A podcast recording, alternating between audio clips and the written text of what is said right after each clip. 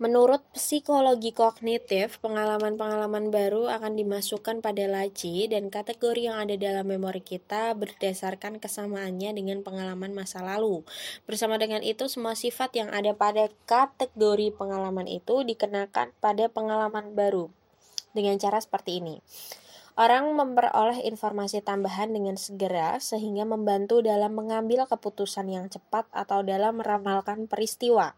Katakanlah, Anda berjumpa dengan orang yang asing bernama Manfred Segera Anda kategorikan dia sebagai orang barat. Anda segera membentuk kesan bahwa ia orang yang tepat waktu, berbicara terus terang, memiliki keterampilan teknologis dan menganut beberapa-beberapa ideologi yang sesuai dengan budaya barat.